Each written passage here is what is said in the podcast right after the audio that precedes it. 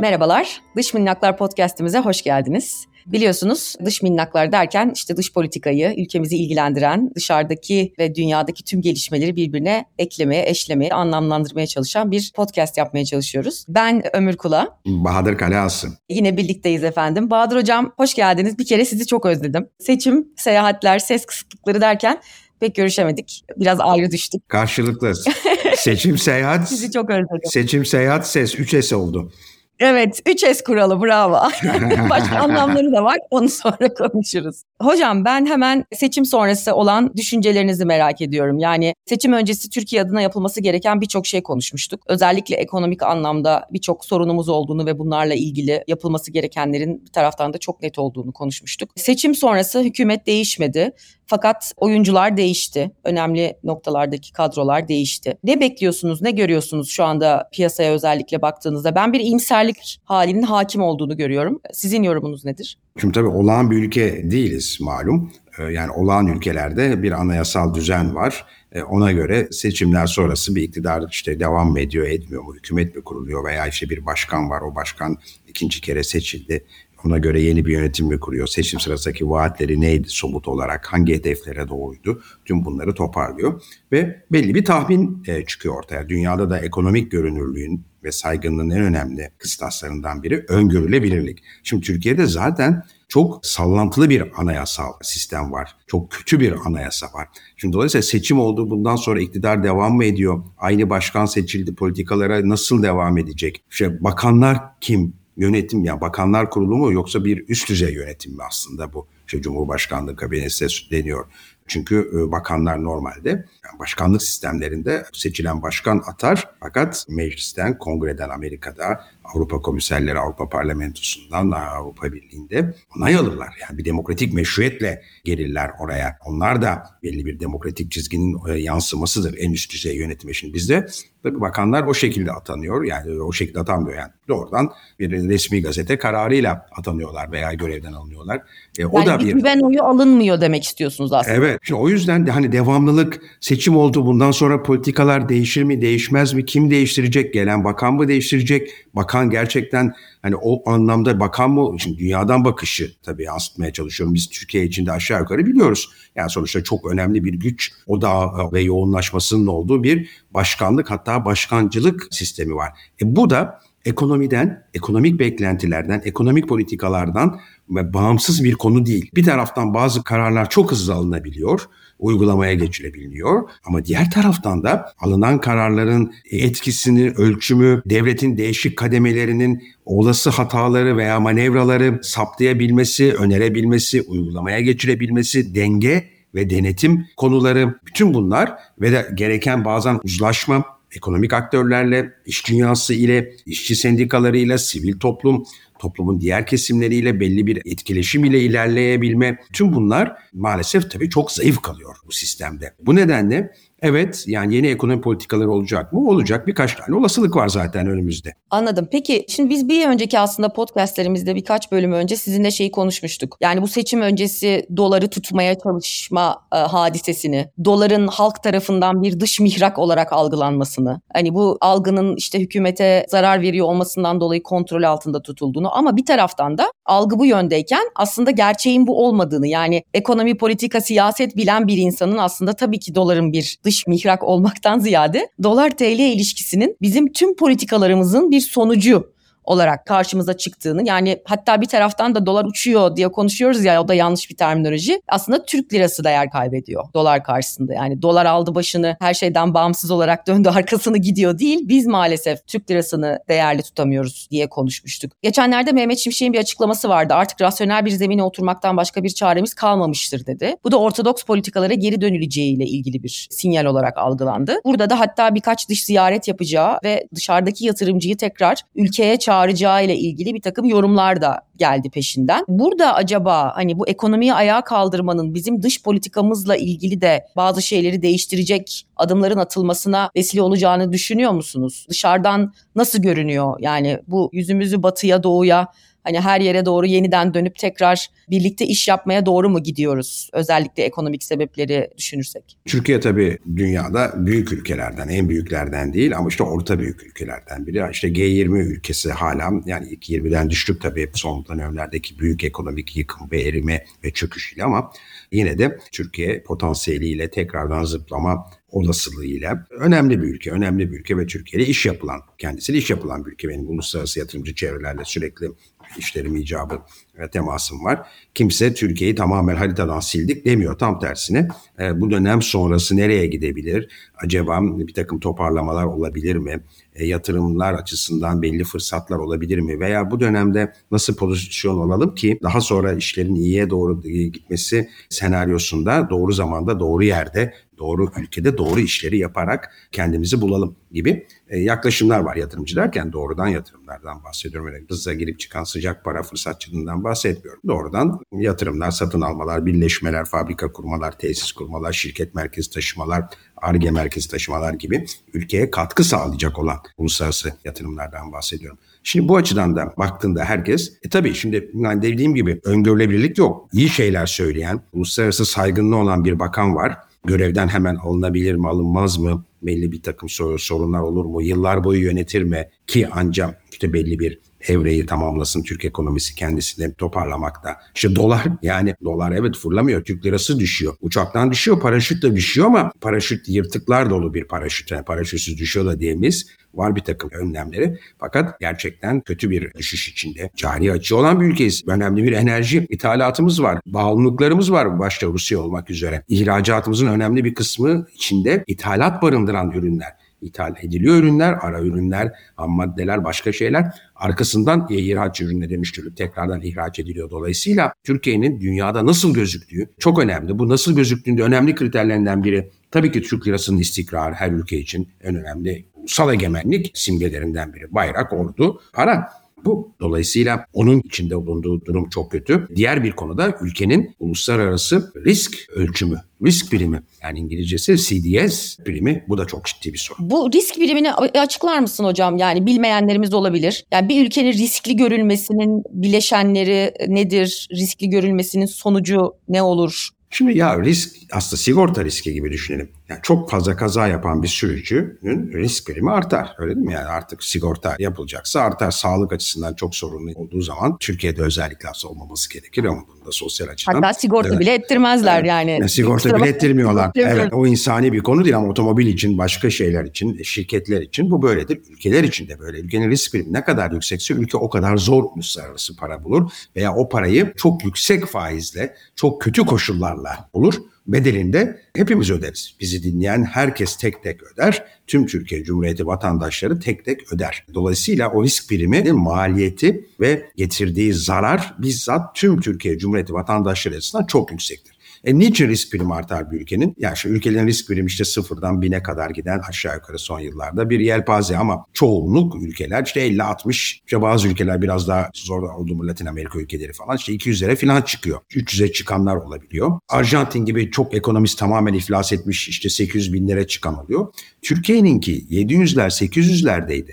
Sonra yeni hükümetin açıklanmasıyla işte yeni kararlar daha e, rasyonel e, bir politika uygulayacağız faiz politikamız dünya gerçeklerine, ekonomi biliminin gerçeklerine uygun olacak yatırımlar, bütçe açığı gibi konular buna göre bir yöne girecek, devletin gelirlerini ve giderlerini buna göre dengeleyeceğiz gibi açıklamalar. Ve de işte Merkez Bankası'nın da işte başına uluslararası deneyimi olan bir kişinin de atanmış olması gibi. Tüm bunlar belli bir rahatlama sağladı ama çok da büyük değil. Yani en son işte o kadar zigzag var ki o zigzagın kendisi zaten kötü bir şey de. İşte bir iniyor bir çıkıyor bir 400 şimdi 500'lerde belki yarın yine 600 olur veya işte 300'e doğru gider. Bu kötü bir şey. İstikrarsızlık demek ve bu risk priminin içinde ülkelerin yapısal sorunları olabiliyor. Yani çok büyük yapısal sorunları oluyor. Yıllardır birikmiş işte bütçe açığı, kamu borcunu döndüremiyor. Masya kriterler aslında. E, Türkiye böyle bir ülke değildi zaten yani buradan gelmiyor Türkiye. Veya o ülke dünyaya işte petrol ihraç ediyor. Venezuela petrol piyasaları çöküyor veya başka siyaset nedenlerden satamıyor ürünü. O kadar bağlı ki ve o petrole veya turizme diyelim bir şeyler oluyor. Hop ülke büyük krize giriyor. İç savaş oluyor. Etrafındaki savaşlar oluyor. Şimdi Türkiye'de bunların hiçbiri yoktu. Türkiye'deki krizin risk priminin yüksek olmasının ve bundan dolayı tüm Türkiye Cumhuriyeti vatandaşlarının bir bedel ödüyor olmasının nedeni siyasi öngörülme, öngörülme. Türkiye gibi bir ülkenin kalkınma modelinde demokrasi, insan hakları, hukuk devleti, iyi ekonomi yönetişimi, ileriye doğru sürülebilir kalkınma hedefleriyle çevre, sosyal konular, eğitim, insan kaynaklarına yatırım, dünya çapında modern dünyaya açık bir ülke olmak var. Yani Türkiye ancak böyle kalkınabilecek bir ülke. Bunların hangi birinde Türkiye geri gidiyorsa risk primi yükseliyor, bedeli yükseliyor ülkenin dünya piyasalarındaki finansal konumunda sürülebilir bir ekonomi e, sağlamasının ve de vatandaşlar bedel ediyor. Çok doğru. Bir de hep sizinle konuştuğumuz bir şey. Bu risk meselesi, ekonomi meselesi. Ya para utangaç mı dersiniz artık? Yani duygusal tarafları olan da bir mevzu. Ve gerçekten güvenini kaybederse bir küçülme, bir şey yaşıyor. Yani bizim dış dünyayla olan ilişkimizdeki aslında sizin bu saydıklarınızın en net sonucu bir güven kaybı. Yani bütün bu öngörülemezlikler, bu istikrarsızlıklar. Dolayısıyla hani dışarıdaki paranın, dışarıdaki bizimle işbirliği yapabilme potansiyeli olan herkesin belli bir çekinmeyle buraya bakmasına sebep oluyor. Ben de açıkçası bunun altındaki en büyük sebeplerden bir tanesinin hukuka olan ne yazık ki güven kaybının olduğunu düşünüyorum. Yani hem içeriden bakıldığında hem de dışarıdan bakıldığında kendi profesyonel hayatımda da görüyorum yurt dışındaki müşterilerle çalıştığımda. Buraya gelip yani Türkiye'ye gelip Türkiye'de bir yatırım yapmakla ilgili en büyük büyük endişe hani burada başımıza bir şey gelirse biz buranın mahkemelerinde bunu çözebilir miyiz endişesi yaşanıyor. Ve hani eskiye göre eskiden farklı olarak çözemeyebiliriz gibi bir anlayış hakim. Yani burada ekonomi kadrolarımız allame cihan olsa hani bu durum değişmediği sürece gerçekten biz Türk lirasının yeniden değer kazanmasını nasıl sağlayabiliriz? Açıkçası ben endişe içerisindeyim. Dışarıdan bakıldığında hukuk nasıl görünüyor ve bunlarla bağlantısı konusunda da bir şeyler söylemek istersin belki. Tabii ki çünkü yani tüm dünyada yargı reformu çok önemli bir konu. Yani bugün bunu Fransa'da tartışıyor, Amerika'da tartışıyor. Türkiye'de daha iyi yargı derneği var bu konuyla ilgili önemli raporlar hazırlıyor. E, tartışılan bir konu bu. Fakat Türkiye'deki çok çok daha geriye gitti. Bu tip konularda yani yapısal bir reformdur yargı reformu ve ekonomiyi doğrudan etkileyen bir reformdur. Eğitim gibi, iş piyasaları gibi, mali piyasalar gibi, vergi gibi yapısal bir reform yapısal bir reform olarak yargının daha iyi hale gelmesi, bağımsız, tarafsız hale gelmesi için belki yıllar gerekebilir. Eğitim boyutu var, bunun teknolojik boyutu var. Gerçekten bir anayasal zihniyet boyutu var.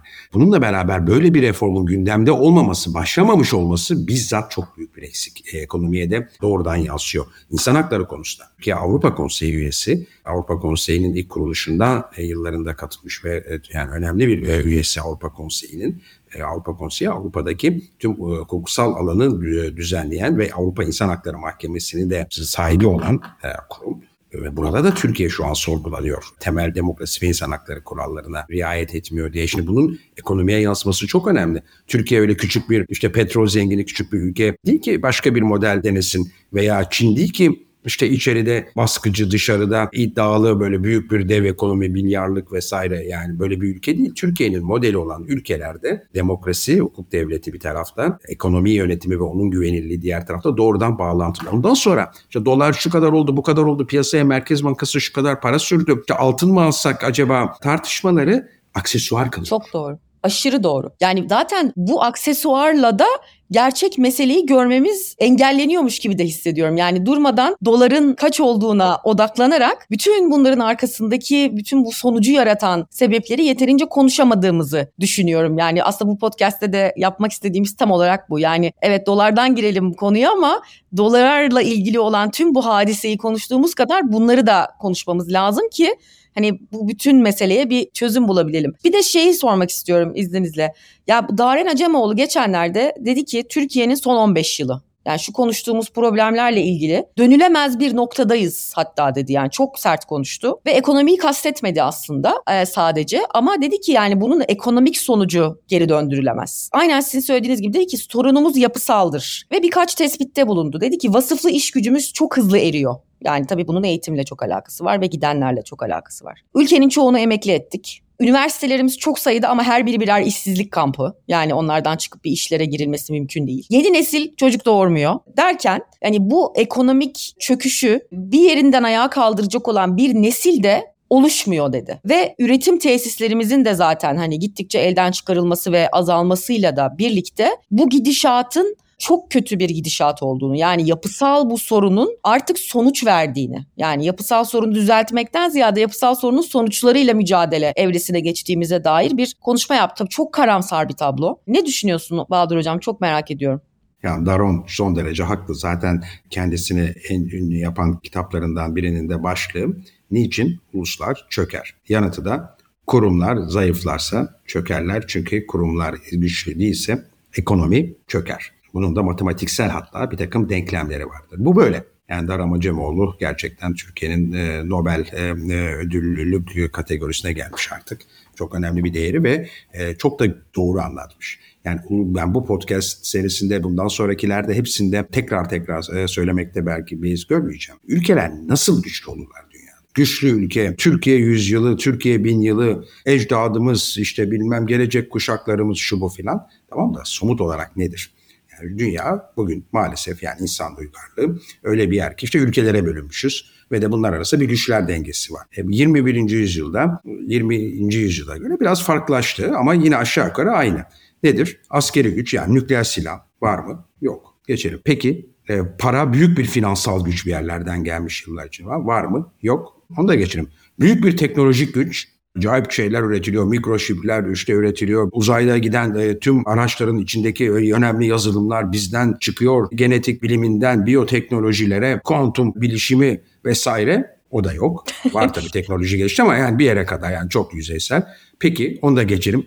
Petrol, doğalgaz, uranyum, lityum yok. İnşallah bor daha değerli olur e, dünya sanayisinde. Ama kesmek istemiyorum ama yani hürjetler havada, toglar yollarda, bir takım rezervler var her sene yeniden keşfedilen. İşte o yüzden e, yani Allah'tan onlar var ki batmıyoruz ama önemli olan biz nasıl çıkacağımızı düşün konuşuyoruz. Nasıl batmayacağımızı e, değil. Tabii bir şeyler var. Evet yani gerçekten emeğine saygı herkesin yani TOG'unda ama e, veya dronlar ya bunlar önemli şeyler var. Tabii olacak ya Türkiye sonuçta bir şeyler olacak ama daha iyi olması için asıl temel olan şeyler var. Bu da yok. Peki ne kaldı şimdi geriye? Nükleer güç, askeri yani güç yok. Doğal kaynak gücü yok. Teknoloji yok. Finans yok geriye kalan en önemli şey işte Daron'un da özellikle vurguladı. Bu ülkenin güçlenmesi için önce insana yatırım çok önemli. Çok eğitimli, çok ileriye giden bir toplumu yaratabiliriz. Özgürlük ortamı, hukuk devleti ortamı, yaratıcı toplum için, girişimci bir toplum için, sosyal sorumluluk ağları gelişmiş bir toplum için gerekli olan evrimin içinde olmak.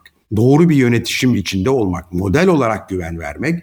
Bunları başarırsak zaten Türkiye kendi bulunduğu coğrafyada ki o aslında gezegenin tahtıdır hızla yükselir. Ortada zaten bir başarı modeli var. Ne zaman denendiyse de olumlu sonuç vermiş. Şöyle bir şey demiyoruz. Bir proje geliştirelim, Ay'a gidelim, Mars'a gidelim. Tamam yani gerekir iyi bir şey çünkü o başka teknolojiler üretiyor. Yapılması gerekir ama daha gitmedik.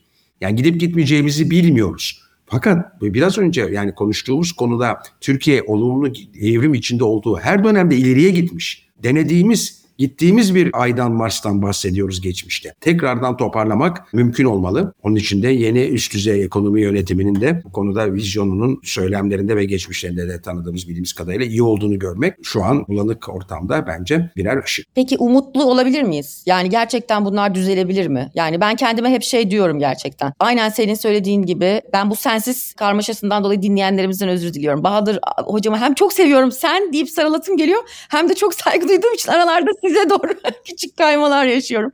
Çok özür dilerim. Sevgili Ömür lütfen. Rahat ol. Sevgili Bahadır.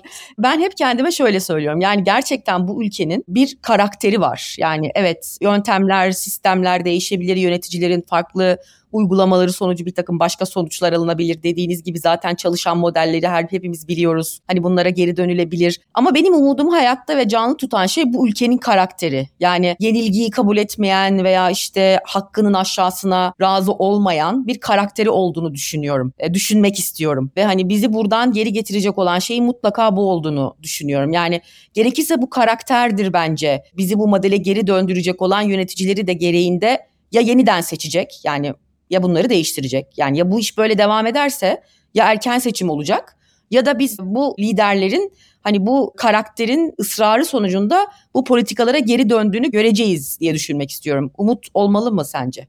Evet kesinlikle umut olmadan olmaz. Tüm seçmenler hangi partiye oy verirlerse versinler sonuçta bir umut filtresinden geçirerek oylarına karar verdiler. Yani en bilinçsiz seçmende bile bir umut etkeni var. Ülkede zaten umut olmadan imkansız.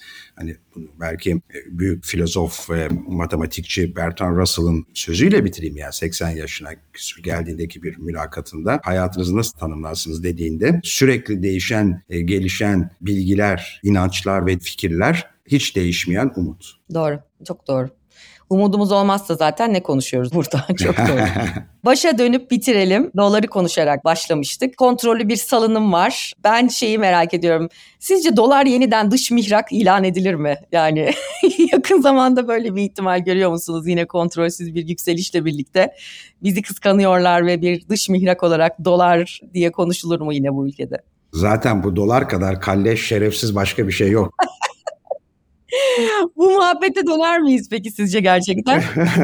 evet yani şöyle dün çok büyük geniş perspektiften bakarsak dünya ekonomisinde dolarsız ticaret eğilimleri, kripto paralar, e, dijital paralar, merkez bankasalarının çalışmaları. Yani önümüzdeki 22. yüzyılı bir dolar dünyası olarak veya dolar euro dünyası olarak tamamlamayacağız büyük olasılıkla. Bu da bir evrim içinde ama bugünden o güne veya bugünden yarınlara en yakın zamana doğru gidiyorken Türkiye Cumhuriyeti'nin çok ciddi bir şekilde saygın bir ekonomi politikası ve demokrasi reformları, yapısal reformlar sürecine girmemesi olduğu derecede biz dolar çıktı, indi, euro bilmem ne, kur korumalı, kur korumasız, altına yatırımdan şuradan çıktık, buradan çıktık gibi. Yani bunlar günü kurtarır mı, kurtarmaz mı? Herkesin tabii kendi yatırımları ve şansına bağlı. Fakat bunların ana ana çözümüne doğru gitmediğimiz ve bunun için talepkar ve baskıcı olmadığımız, doğru politikaları da alkışlamadığımız sürece maalesef girdabın içinde dönmeye devam ederiz. Çok teşekkür ediyorum. Efendim bizi dinlediğiniz için çok teşekkür ederiz. Bize ulaşmak isterseniz dış minnaklar podcast at gmail